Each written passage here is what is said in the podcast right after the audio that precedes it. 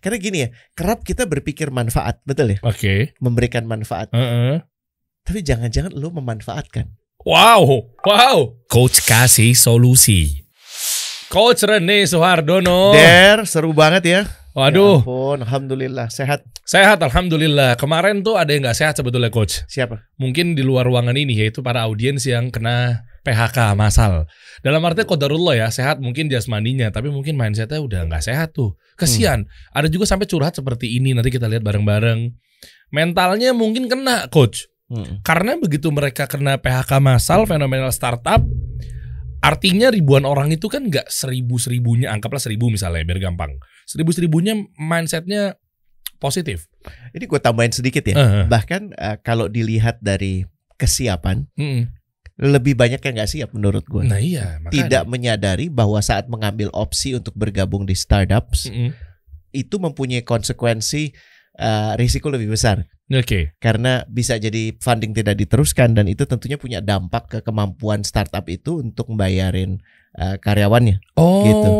dan karyawannya sendiri kadang-kadang melihat startup karena kestabilan tanda Iya. petik ya Iya. terasa lebih stabil kan selama dua tahun tiga tahun terakhir kan aman-aman aja terkesannya Nih, betul, Iya kan betul. Eh, akhirnya ya gaya hidup juga sudah upgraded gitu sudah membuat Aduh. diri sesuai dengan eh, apa yang ingin dipersepsikan gitu Iya. bahwa "Wih, lihat nih gue udah gabung di startup padahal kalau kita baca sekarang gue gabung di startup art- artinya pernyataan itu sama dengan gue siap menerima risiko yang lebih besar bener gak sih itu Iya Gitu kan? lagi, iya lagi. iya kan Bener. bener gak sih lo memang benar-benar eh, siap menjalani rep- eh, risiko yang lebih besar nggak cuman pindah ke tempat yang lebih cool yang lebih keren yang lebih banyak diomongin Oke.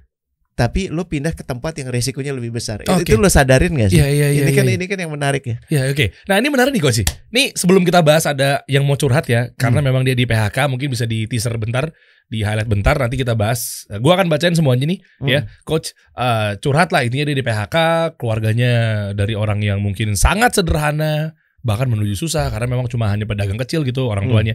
Nanti kita bahas. Tapi gini, ini ada edukasi penting juga yang mungkin teman-teman harus tahu, yaitu menarik. Tadi coach bilang ketika kita masuk ke startup dia udah siap harus di eh, ya apa pun resikonya nanti di belakang. ya risikonya lebih besar Lebih besar. bukan berarti perusahaan selain startup yang Eh, sudah eh, scale up Oke, yang BUMN itu gak ada risiko bukan berarti itu Oke. tapi risikonya relatif lebih kecil Oke, nah ini menariknya gini, ada dua faktor yang mau gue bahas nih coach. Mm-mm. Yang pertama itu dari sudut pandang perusahaannya, Mm-mm. yang kedua dari sudut pandang si pekerjanya. Mm-mm. Satu-satu ya, ini menarik banget tadi. Coach Rene udah nge-trigger, akhirnya gue kepikiran ini. Um, gue mungkin mewakili para startup karena memang kasih solusi juga startup. Iya. Kalau dari sudut pandang dari perusahaannya, kenapa sih selalu mindsetnya mereka bergantung pada funding? Nanti nyambung yang kedua ya coach ya. Nanti mungkin coach Rene bisa jabarin dulu dua-duanya Hmm. baru kita masuk ke slide. Hmm. Yang pertama kenapa mindsetnya selalu mindsetnya funding? Tadi kan coach mindsetnya siapa Ah, pengusahanya, Hmm. perusahaannya. Tadi kan coach Rene sempat singgung mengenai eh, mungkin udah nggak dapat funding lagi. Artinya investor lah ya. Hmm. Mau itu angel investor atau venture capital. Mm. Yang pertama karena pengusaha ini kenapa selalu bawaannya tuh oke, preset dulu. Hmm. 750 ribu dolar Mm. atau menuju ke seed funding. Mm. Kan mindsetnya selalu dan melulu begitu udah dapat satu juta dolar, mereka gimana caranya tujuannya agar dapat series A.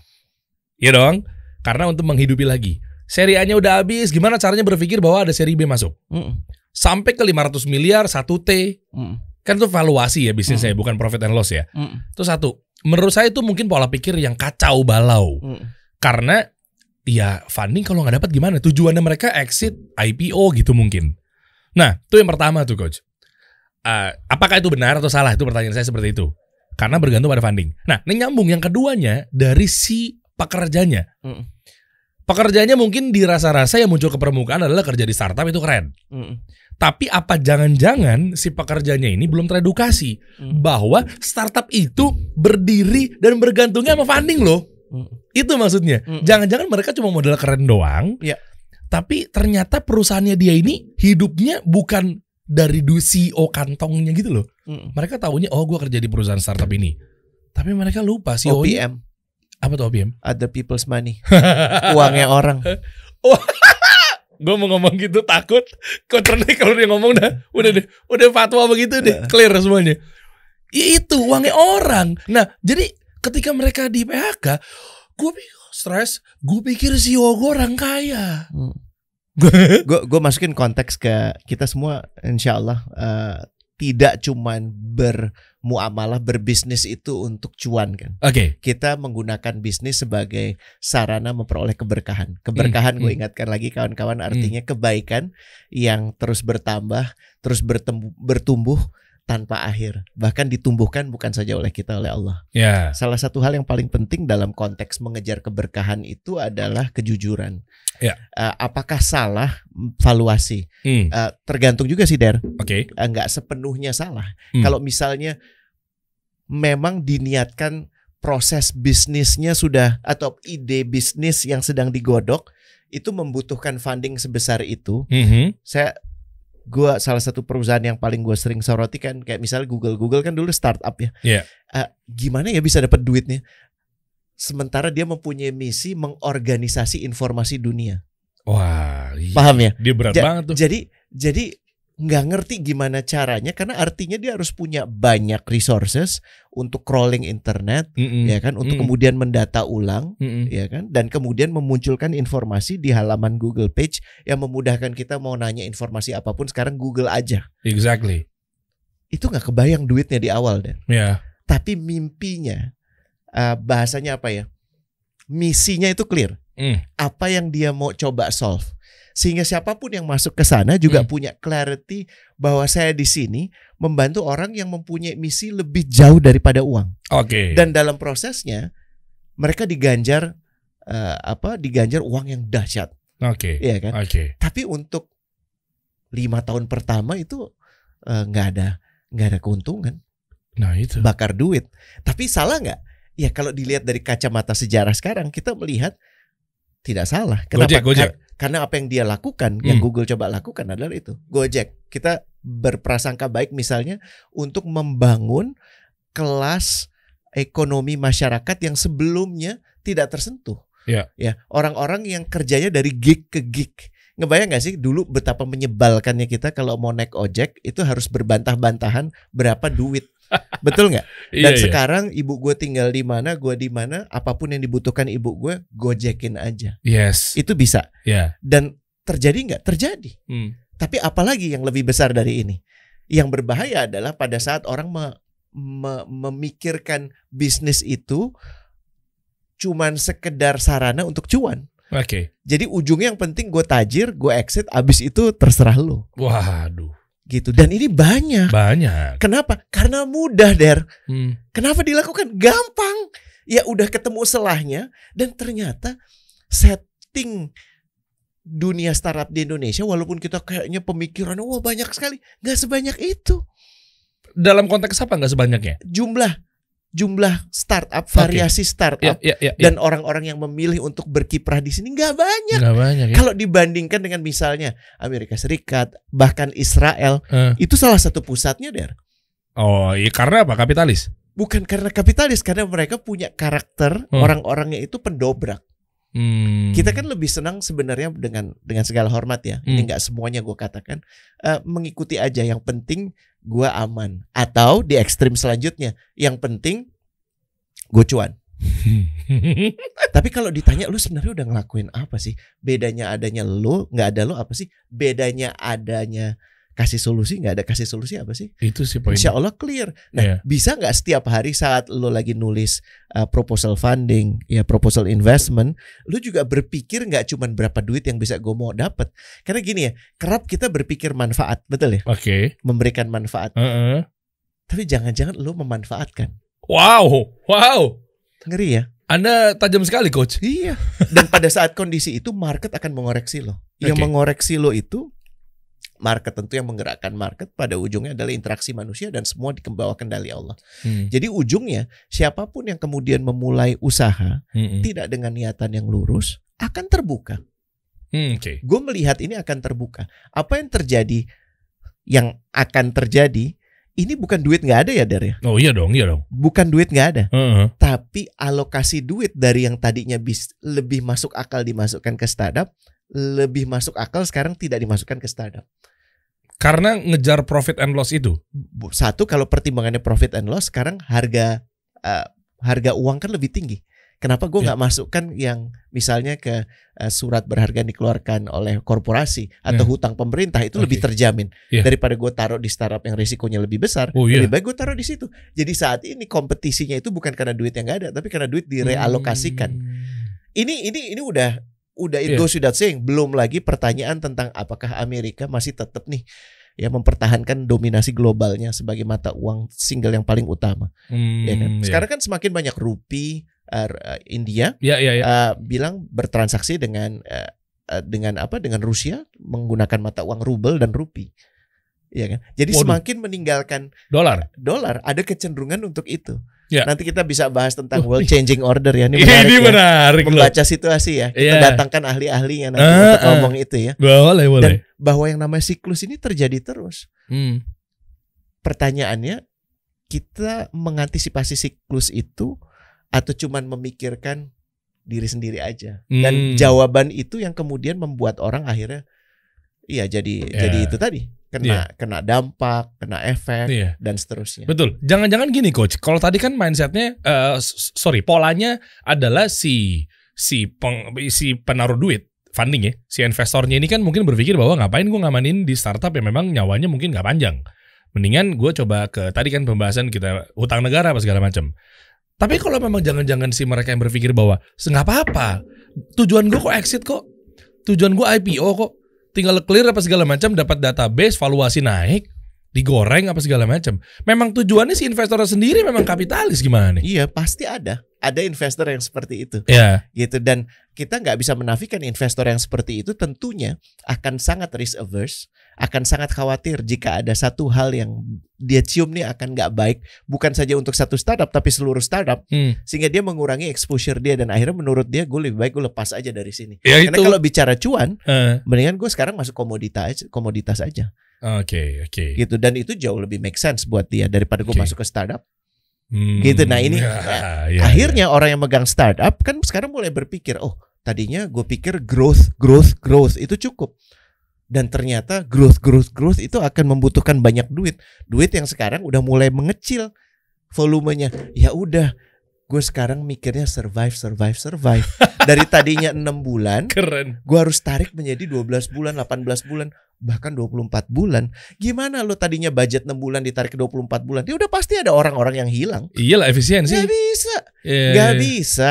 Orang tadinya udah berpikir mempekerjakan orang, itu kan dua pekan lalu kita ngobrolin tentang gimana ceritanya CNN Plus Hmm. dengan eh, hampir berapa ya duit 300 juta dolar men. Hmm. Udah mempekerjakan orang satu divisi segala macam dan pas melihat angkanya tadinya mereka mengharapkan ada 10 juta orang, subscriber cuma 10 ribu. Uh, jauh banget dari Jauh banget dan akhirnya apa coba? Iya, tutup, tutup, Iya itu. tutup men.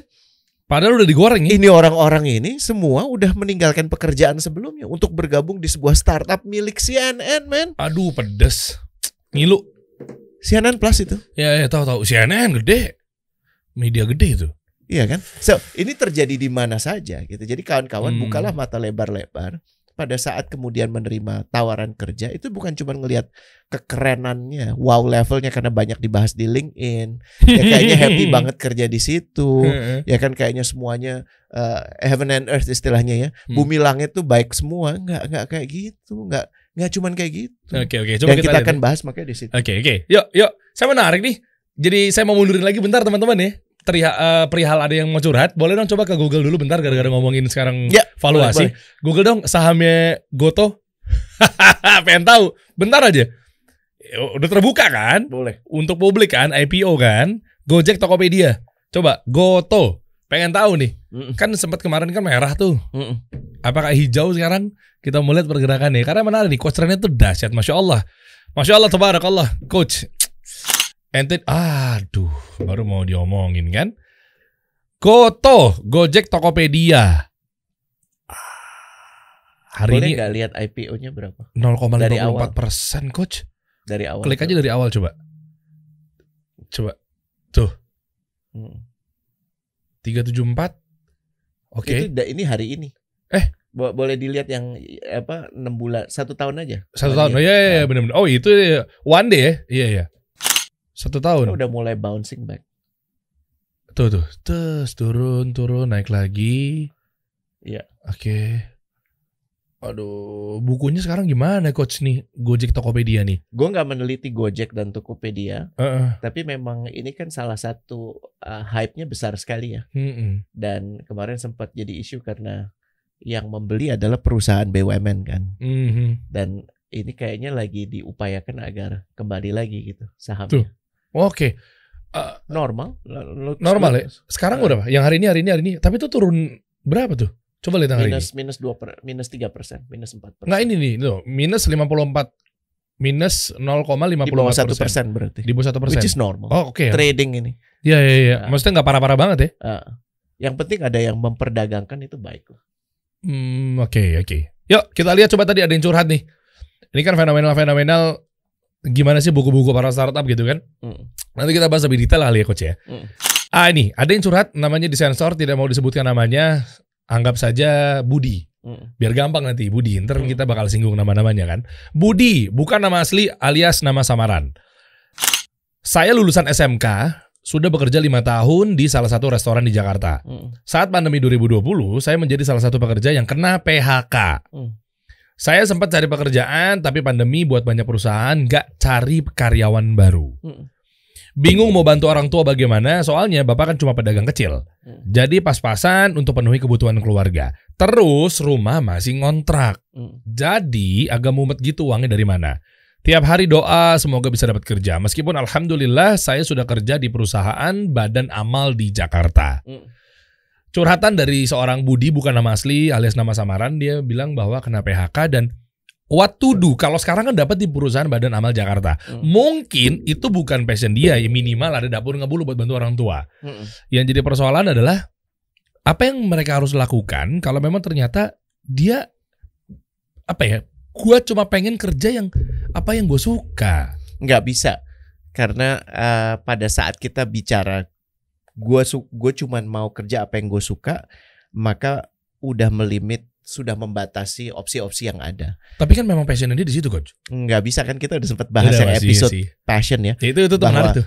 aktivitas yang membuat diri merasa berdaya. Jadi esensi passion itu sejatinya lebih banyak ngomong soal kebersyukuran. Dan terkait dengan kawan kita Budi eh, dengan apa dengan segala hormat ya, simpati kami juga apa yang dirasakan pasti beban berat gitu ya. Iya. Tapi apa pun yang dialami oleh Budi itu pernah dialami oleh hampir semua orang yang pernah merasakan yang namanya pekerjaan. Iya. Jadi walaupun saat lo menjalaninya tuh kayaknya cuman problem gue, gue yang paling pelik, gue gue yang paling susah, kayak gitu bud, Oke oke. ya kayak gitu. Oke. Ya. Dan kita nanti akan bahas Hmm. uh, stages of grief istilahnya. Ada satu psikolog hebat banget namanya Kubler Ross. Mhm. Dia membantu kita memberikan framework saat lu menghadapi situasi yang pelik seperti ini. Yang terjadi di dalam diri lu tuh seperti apa. Oke. Semakin lu melalui itu, semakin cepat melalui itu semakin baik. Nanti kita akan bahas bersama. Boleh boleh. Gitu ya. Hmm. Tapi ada satu, satu kata kunci lagi yang kita mesti soroti. Hmm. Uh, doa dan mudah-mudahan dapat kerja. Amin amin ya Allah. Amin. Hmm. Doanya betul. Mhm. mudah-mudahannya betul, tapi mesti ditambahkan dengan ikhtiar. Pertanyaan pertama, apakah saat ini kawan-kawan yang sekarang sedang tidak mendapatkan, tidak punya pekerjaan, Hmm. apakah lebih memilih diem di rumah? Oh Ya, iya. aduh. Terus karena ngapain juga keluar, gitu kan? Hmm. Malu kayaknya, ya kan? Soalnya udah bilang pamer di medsos apa segala macam. Gua kerja di startup ini loh. Exactly. Dan akhirnya punya perasaan sebagai korban. Iya. Ya ini gara-gara uh, manajer manajemen gue buruk, jadinya gue dipecat. Hmm. Ini gara-gara uh, Indonesia itu uh, ekonominya sekarang lagi challenging. Uh, Hmm. Jadi gue kayak begini. Ini gara-gara Jokowi, gara-gara Anies Baswedan, gara-gara semuanya salah semua orang kecuali dirinya sendiri. Ya Allah capek ah. Betul ya? Padahal yang paling dipentingkan saat ini adalah paling nggak melangkah keluar dari rumah dulu. Iya iya betul. Katakanlah begini, kalau lu cuman bisa sholat duha, ya dari satu musola ke musola lain, satu masjid ke masjid lain, lakukan itu. Hmm. Kalau yang terpikir hanya itu, Oke. lakukan itu. Tapi jangan kembali ke rumah dulu. Wow keren keren.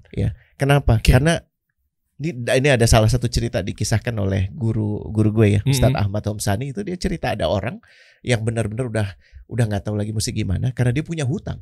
Oke. Ini s- nggak ada hutang kayaknya ya, rumah Iya. ngontrak tapi ini hutang orang ini besar dan dia sudah eh, ditinggal istrinya karena dilihat sebagai suami tidak perform Oke. dan kemudian rekomendasinya eh, apa Ustadz Ahmad Mm-mm. setelah doa ya keluar dari rumah habis habis fajar itu keluar Mhm, Oke. melangkah keluar kalau perlu dari satu masjid ke masjid lain Mhm. ya sholat duha di sini sholat duha di sana kalaupun nggak enggan untuk sholat belum ngerasa nggak serak paling nggak keluar dari rumah tak ada di masjid aja dulu Oke. paling nggak keluar dari rumah dan kadarullah setelah dia melakukan itu beberapa hari ya ketekunan itu membuahkan hasil orang yang sholat di samping dia itu adalah orang yang kenal dia Wow. orang yang kemudian tahu bahwa dia ini punya kekhususan yaitu menaksir harga alat berat Loh kok bisa sama? Gak ada, nggak ada yang tahu. Tapi pokoknya di samping orang ini punya kebutuhan. Yang menegur ini si bapak yang menegur orang yang Hmm, keluar, hmm. ya sebut aja si Budi dua gitu ya. Heeh, betul. Budi dua yang nggak punya pekerjaan ini punya kebutuhan itu dan dia inget si Budi dua ini punya ke, punya kemampuan itu. Supply demand ketemu dong tuh. Ketemu. Oke. Dan siapa yang paling pandai menemukan supply demand kalau bukan Allah? Yes. Tapi lu mesti menunjukkan langkahnya. Jadi mesti keluar rumah dulu, mesti berikhtiar dulu, mesti berupaya dulu. Iya. Nggak bisa lu cuma tinggal di rumah berdoa terus tidur lagi. Nggak bisa. kan tawakal namanya. Iya. Tanpa bu- ikhtiar kayaknya nggak. Ah, nggak bisa. Ya, jadi Iya, kalau iya. perlu eh, ini dijalankan buat kawan kita satu ya, perpanjang silaturahmi. Gimana yang namanya Derry nggak istimewa banget setiap hari ketemu orang baru gitu kan Masya kalau Allah. bisa kan. Dan itu kan memperpanjang silaturahmi. Ada Iya. orang kepikiran apa? Kepikiran Derry. Kepikiran satu hal, kepikiran Derry. Hmm. Nah, gimana bisa membuat seperti itu? Ya karena Derry sudah menjalankan ini secara rutin menyambung silaturahmi. Lu gimana? Hmm, jelas. Atau jangan-jangan kerjaannya cuman eh, ngisi Twitter gitu ya atau ngomentarin orang. Apa gunanya? Iya, ya mungkin dengan dalih kan dengan gue komen-komen di berbagai macam postingan, akhirnya gue jadi dilirik minimal gue diintip profilnya. Iya, Komen-komennya komennya apa, apa? dulu ya? itu itu penting juga sih. Komennya apa dulu? Yang komenin kehidupan orang. Iya, nah itu sedih. Mendingan mikirin hidup Iya, lo. Karena kehidupan lo aja nggak mau mau dikomentarin kan sekarang gitu kan? Ya Allah gitu. Ya, Kita ya, kasih ya. lihat ya nanti ya. Atau mau ada yang lagi? Ada ada ada dua lagi, Coba lagi, satu lagi, satu lagi. Masih nama disamarkan. Yang kedua mungkin sebut saja namanya Andi. Tadi Budi, sekarang Andi. Dulu Andi bukan nama asli ya, nama samaran. Dulu saya bekerja sebagai staf administrasi di perusahaan manufaktur yang ada di Cikarang. Pas Juni ada kabar PHK itu dan langsung infoin ke keluarga. Dan langsung nyari lowongan kerja ke teman-teman terdekat atau via online. Akhirnya saya mikir usaha kecil-kecilan buat memutar keuangan sebelum saya ke- ke- keterima kerja. Karena kalau saya nganggur tanpa ada pemasukan, lama-lama uang pegangan akan habis begitu saja. Oh, dia ng- ngandelin tabungan nih coach. Saya buka usaha at Cik Cik apa sih namanya? Ciklin Cikarang. Ciklin itulah pokoknya. Mm-mm. Karena yang ada di pikiran saya, usaha kuliner itu nggak akan ada habisnya. Apalagi sekarang udah modern ya. Beli nggak mesti langsung ke outlet tapi bisa lewat ojek online. Dan menurut saya, hampir rata-rata orang Indonesia menyukai ayam. Oh, ciknya tuh chicken maksudnya kali. Selain itu karena belum ada yang buka daerah tempat saya, jadi saya memutuskan untuk buka si Shiklin itulah pokoknya. Keren. Ya, Hmm, ini oke. bentuk usaha. Kenapa Iya. nggak kita coba dukung kawan-kawan yang ada tinggal di daerah sekitar Cikarang? Kenapa nggak order ke sini? Ya Iya. ini mak hari ini sudah dipromosikan gratis oleh kasih solusi. disebut, ya, disebut nama pinter akunnya juga lagi. anaknya. Pinter juga. dari darian sekali nih kan. Ya, melihat saya kena- kesempatan. Dan saya bacakan lagi. Iya. Anda harusnya bayar. iya. Kalau lihat ya kayak nih daun-daun yang berserakan di bawah itu realitasnya. Oke. Paham ya? Ya. Sementara kalau kita melihat di dalam pikiran kita nggak kayak daun-daun berserakan ini, tidak mereferensikan eh, realitas yang ada. Oke. Makanya sangat jarang orang yang sedang berduka itu Hmm. bisa berpikir logis.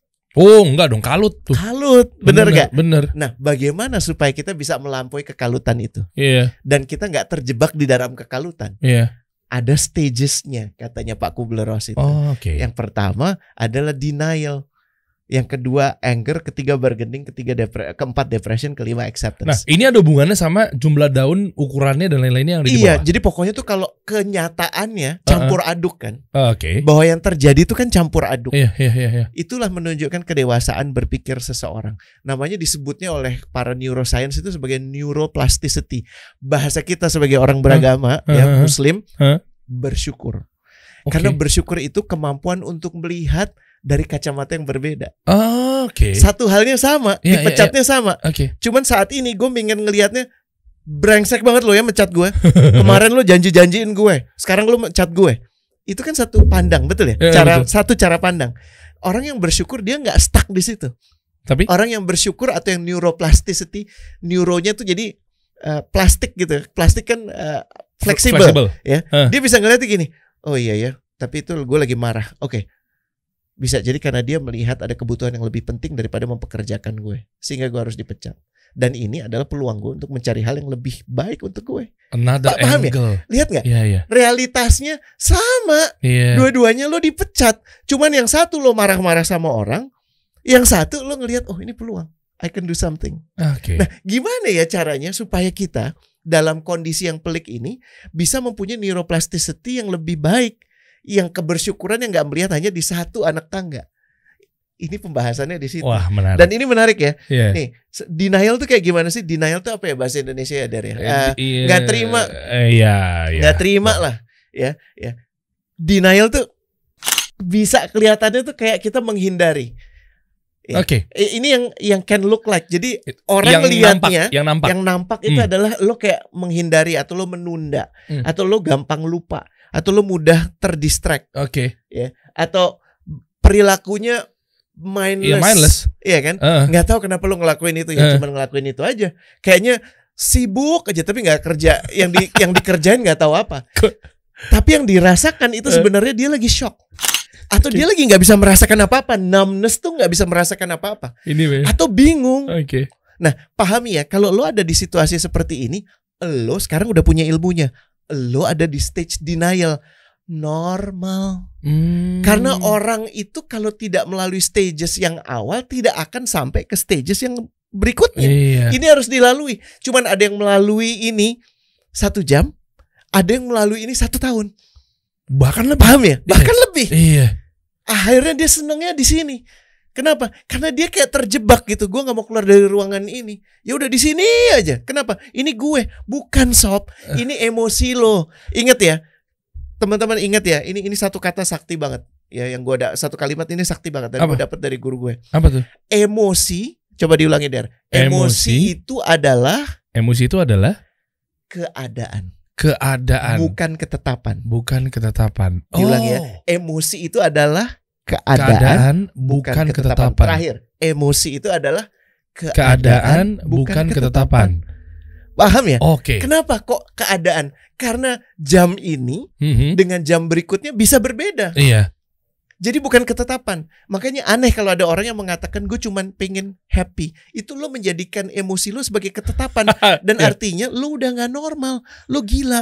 Oke. Orang yang cuman pengen happy terus nggak bakal happy. Iya, iya, iya. nggak bakal benar-benar merasakan happy itu kayak apa. Kalau lo nggak pernah ngerasain sedih, lo nggak ngerasain happy.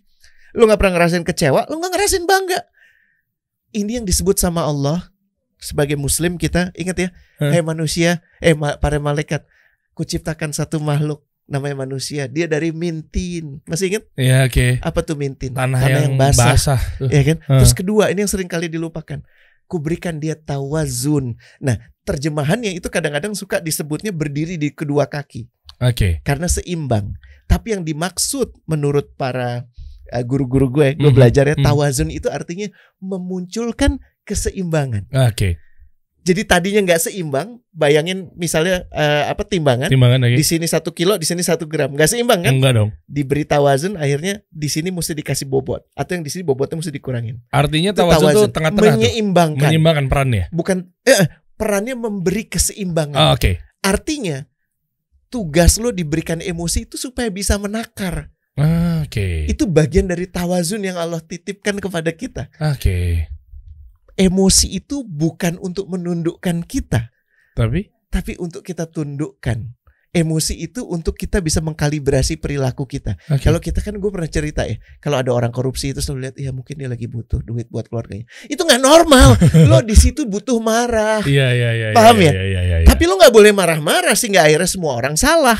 Iya. ya kan? oke. Hanya karena satu aparat negara itu korupsi, lo berasumsi semua aparat negara korup. Itu Oh, salah kan? Enggak dong. Ya Iya. nggak boleh, Heeh. nggak boleh. Nah, pertanyaannya kita memunculkan keseimbangan dalam hidup kita atau tidak?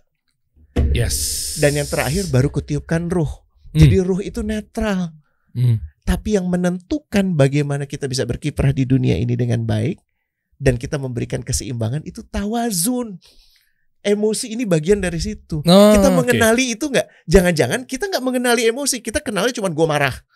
gue happy. Eh, Oke. Enggak gitu. Salah tuh begitu Nggak tuh. bisa. Oke. Lihat ya ini denial ya. Wow. Menarik ya. Baru Ini satu menarik. langkah ya. Menarik banget loh. Eh, berikutnya anger. Ah. Ah, mulai kerasa ya. Iya iya. Yang kelihatan apa? Orangnya pesimistik. Eh, eh, udah ngirim lapang, udah kirim lamaran kerja belum ke perusahaan itu? Ah, paling nggak diterima. Gue ngirim kapan? 10 tahun lalu. Ah, gimana? Bener ya? Bener ya? Iya, iya, iya. Pesimis ya. Terus Oke. sinis. Hmm. Menurut lu gue belum kirim. Ah iya. Paham ya? Ah. Emang gue lo pikir gue ngapain aja? Gue cuma nanya lu udah ngirim la- lapangan kerja lu, lu terus lu nanya balik.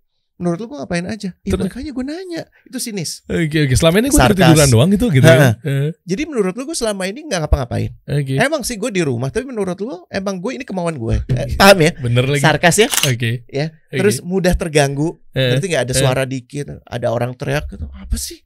Gitu. Mudah terpi tersulut. Iya. Paham ya? Mudah tersulit, sumbu, gampang marah. Sumbu pendek gitu ya. Sumbu pendek. Oke. Agresif atau pasif agresif. Oke. Ja- jadi eh, nantang atau menjauh gitu. Eh, ada opini, ada pendapat, diem aja. Tapi ngeliatin kejauhan sambil ngeliatnya begini. ya, dan seneng akhirnya ribut. Dan ini amit-amit ya. Eh, Biasanya orang yang oh, menggunakan drugs itu ingin melupakan reality. Padahal inget ya, tadi kita udah bahas kan, reality itu terjadi. iya. Eh, Reality Oke. itu reality. Iya. Ya, lah kalau orang kemudian ngedrugs, minum alkohol, itu tujuannya apa? Melupakan realitas. Selesai nggak masalahnya? Enggak. Enggak. Lo bener. menambah masalah baru, Iya. paham ya? Oke. Lo menjauhkan kemampuan lo untuk memunculkan tawazun itu tadi. Yes. Masih inget ya tawazun, keseimbangan. Iya, iya. Ya lo nggak ngelihat cuma satu hal aja. Ingat kan kemudian ini gue tambahin sedikit ya. Hmm. Terus setan bilangnya apa? Ya Allah, aku disuruh sujud sama dia. Padahal gue dari Sementara api gue dari api, dia Eh. dari mintin. Setan melupakan dua hal apa? Tawazun, ruh. Iya. Manusia nggak cuman mintin. Kalau mintin, kambing juga mintin. Gajah juga mintin. Kera juga mintin. Tapi Allah bilang yang ini mintin plus tawazun plus ruh. Oke. Punya akal Jadi- yang sehat. Iya. Ya. Nah, ini Oke, lihat nih, oke. lihat nih. Ya. Yang dirasakan frustasi, lo mudah kesel, Hmm. dengki, iri, gampang Oh malu, iya. Ya, out of control. Lo ngerasa nggak mengendalikan. Hmm. Ada nggak sih orang yang sa- pada saat marah banget terus dia lupa dia marah banget? Ada loh.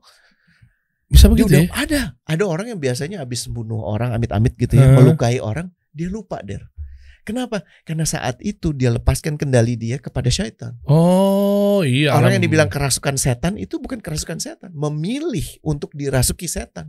Oke. Paham ya? Jadi di bawah sadar dia tuh ngelakuin ya? Iya. Oke. Nah, stage berikutnya tadi ingat ya pertama apa? Denial, kedua anger, Anger abis Ya, bargaining, mulai Oke. nawar nih, nawar, Hmm, nawar. Ya, eh, gimana ya? Kalau misalnya gue dipecat boleh deh, tapi boleh nggak?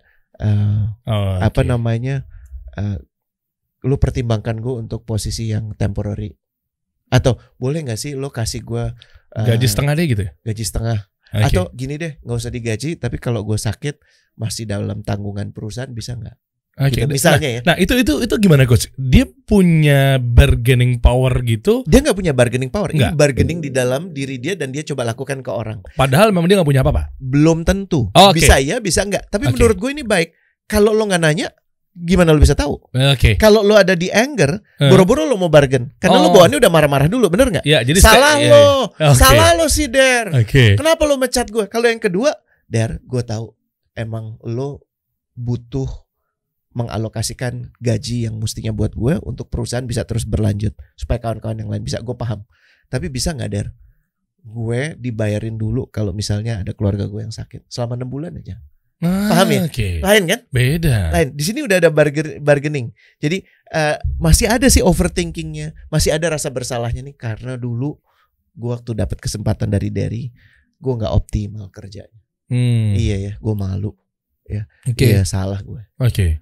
Ya, mulai ada takut. Terus nanti gimana ya? Besok gimana ya? Mulai, aduh, insecure.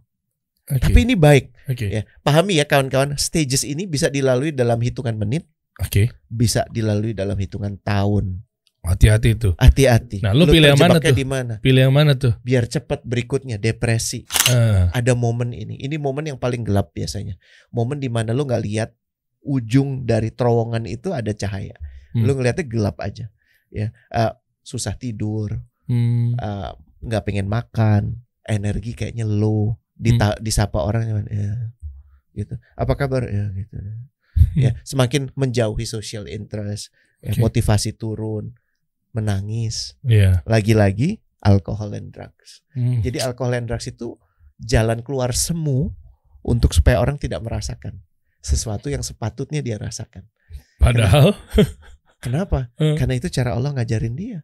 oke. Kembalilah kepadaku, jangan kepada yang lain. Iya. Paham ya? Oke. Ujungnya adalah ini der. Ya, acceptance. Hmm, Di oke. sini udah mulai ini benar-benar terjadi. Ini bukan bohongan, ini bukan karena orang punya akal-akalan sama gue. Hmm. Emang gue dipecat, gue terima kondisi. Oke. Ya, Oke. Dan di sini gue merasa ini keadaan yang terjadi sama gue. Kan udah Rene udah ngomong, Dery udah ngomong, udah nonton kasih solusi. Hmm. Ini nggak cuma terjadi sama gue, ini terjadi pada semua orang. Bahwa dari setiap ikhtiar kita nanti akan memunculkan yang namanya musibah. Iya kan? Hmm, oh, Musibah oke. masih ingat ya? Musibah Iya. apa artinya? Kata dasarnya asabah, menembak sesuai sasaran. Hmm. Oh iya ya. Gue lagi diingatkan sama Allah. Mungkin ada yang selama ini gue nggak mindful. Gue justru waktu itu yang obrolan kasih solusi sama yang pegawai bank itu, Nah, ya dia menyandarkan pada simpanannya. hmm. Ya, Berhala baru. Sekali berhala baru. Hmm. Jangan-jangan gue menggunakan ikhtiar gue sebagai Tuhan gue. Hmm. Karena setiap kali gue ngirimin lamaran gue diterima. Sekarang gue coba ngirim lamaran 70 kali kagak ada yang terima. Oh, Allah lagi mengingatkan sesuatu. Musibah. Dari situ gue dapet hikmah. Oke. Dari hikmah kemudian muncul progres. Progres itu akan mengantar pada ikhtiar baru. Hikmah itu apa sih? Hikmah itu ada di dalam ilmu, ya, Hmm. adil sama hak.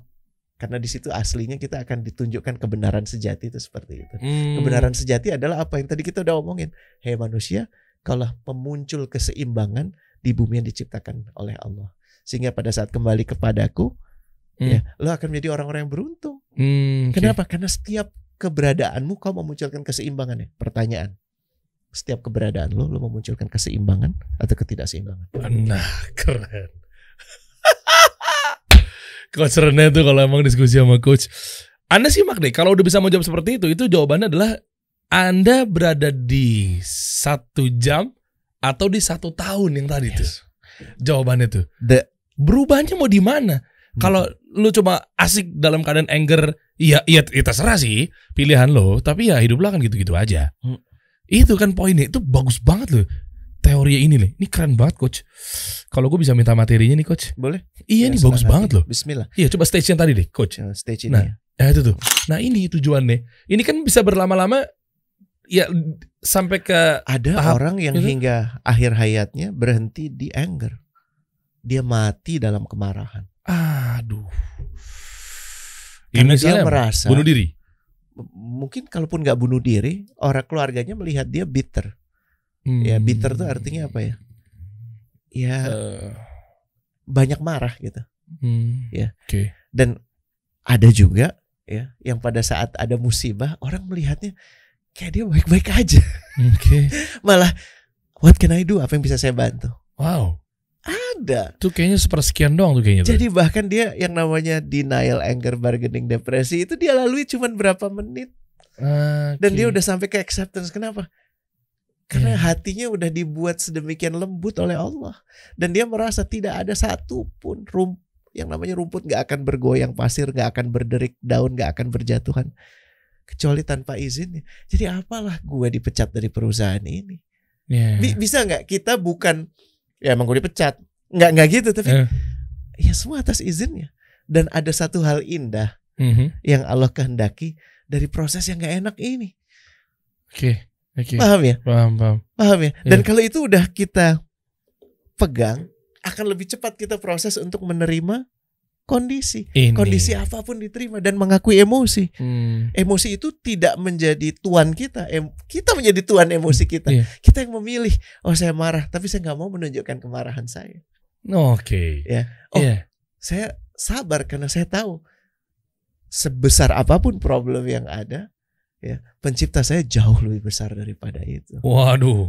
Gimana coba? Gimana dengan cerita orang yang cuman tadinya bahkan nggak pengen sholat di masjid, Hmm. dia cuman mengikuti anjuran ustadznya untuk pergi dari satu musola ke musola berikutnya, Hmm. supaya dia tidak di rumah, supaya dia menunjukkan diri, dia bergerak. Dalam bergerak itu ada keberkahan. Iya. Dalam bergerak ada keberkahan. Gue ulangi. Dalam bergerak ada keberkahan. Lu udah bergerak dulu. Yes. Sapa orang, bantu orang, ringankan problem orang, ketawa, senyum. Iya, Udah lakukan itu belum? bener. Dan kemudian solusinya datang dari orang yang sedang sholat di sampingnya. Iya. Dan solusinya itu memungkinkan dia untuk mempertahankan. Kemudian rumahnya dia yang tadinya hutang itu dia tutupi, Hmm. rumahnya tidak jadi disita, dan kemudian istrinya kembali kepada dia. Masya Allah. Semua satu episode yang menurut dia pengalaman paling manis dalam hidup dia. Hmm. Kala dia dipecat dan dia nggak punya pekerjaan selama beberapa bulan. Oke. Berapa banyak orang yang justru melihat ini sebagai pengalaman pahit titik. Oke. Padahal ini kan bittersweet. Semua yang terjadi pada kita tuh pasti ada peruntukan terbaiknya. Kita Hmm. aja belum lihat itu. Oke. Gitu. Yes. Wah merinding guys. Ya, ya, ya mudah-mudahan ini bisa membuka mata pikiran hati teman-teman yang memang lagi ya terkena PHK, nggak bisa ngapa-ngapain karena memang setuju banget ya. Gitu, kita gerak men. Hmm. Ikhtiar, jangan-jangan sedek ah, sorry, jangan-jangan rezekinya itu datang dari lu lewat mungkin bantu orang, sedekah dan lain-lainnya. Dan cara yang selalu nggak diduga-duga. Kalau Iya. dari Allah itu selalu nggak diduga-duga. Betul. Dan jangan pernah bohong lu pernah dipecat ya. jujur aja. Jujur. Kenapa lu keluar dari sini saya dipecat pak? Nggak akan jatuhin valuasi.